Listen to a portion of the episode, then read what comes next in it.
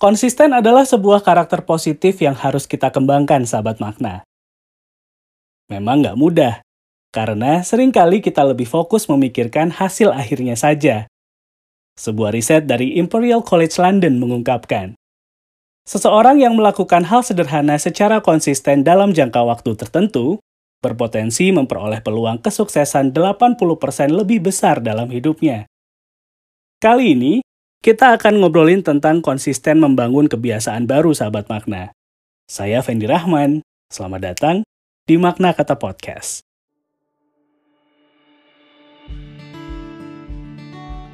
Saat memulai kebiasaan baru, langkah pertama yang bisa kamu lakukan untuk konsisten adalah membangun tujuan yang spesifik sahabat makna.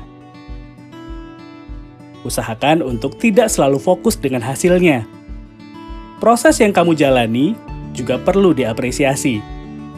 Jangan lupa untuk jujur pada diri sendiri, karena saat cara kita berpikir sudah tepat, akan benar-benar siap untuk berjuang menjemput impian kamu.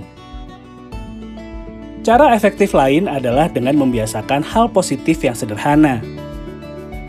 Misalnya minum air putih atau tidak langsung membuka ponsel saat bangun tidur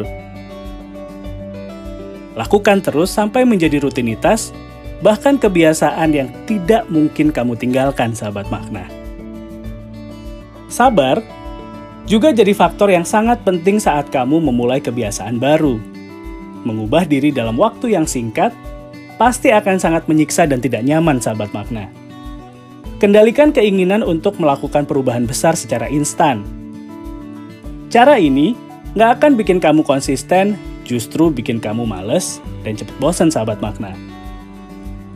Sebelum memutuskan untuk memulai kebiasaan baru, cari tahu manfaat dan risikonya sahabat makna.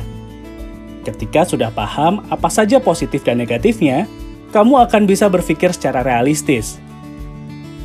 Alasan ini yang bisa membuat kamu konsisten dan semangat saat menjalani sebuah kebiasaan baru sahabat makna. Jadi gimana?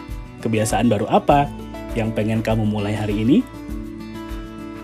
Saran, ide, dan juga masukan bisa kamu kirim via DM Instagram di @maknakatapodcast atau email di maknakatapodcast@gmail.com. Kamu juga bisa dukung Makna Kata Podcast via saweria.co slash maknakatapodcast. Terima kasih sudah mendengarkan Makna Kata Podcast. Saya Fendi Rahman pamit. Kita ketemu di hari Jumat ya, sahabat makna.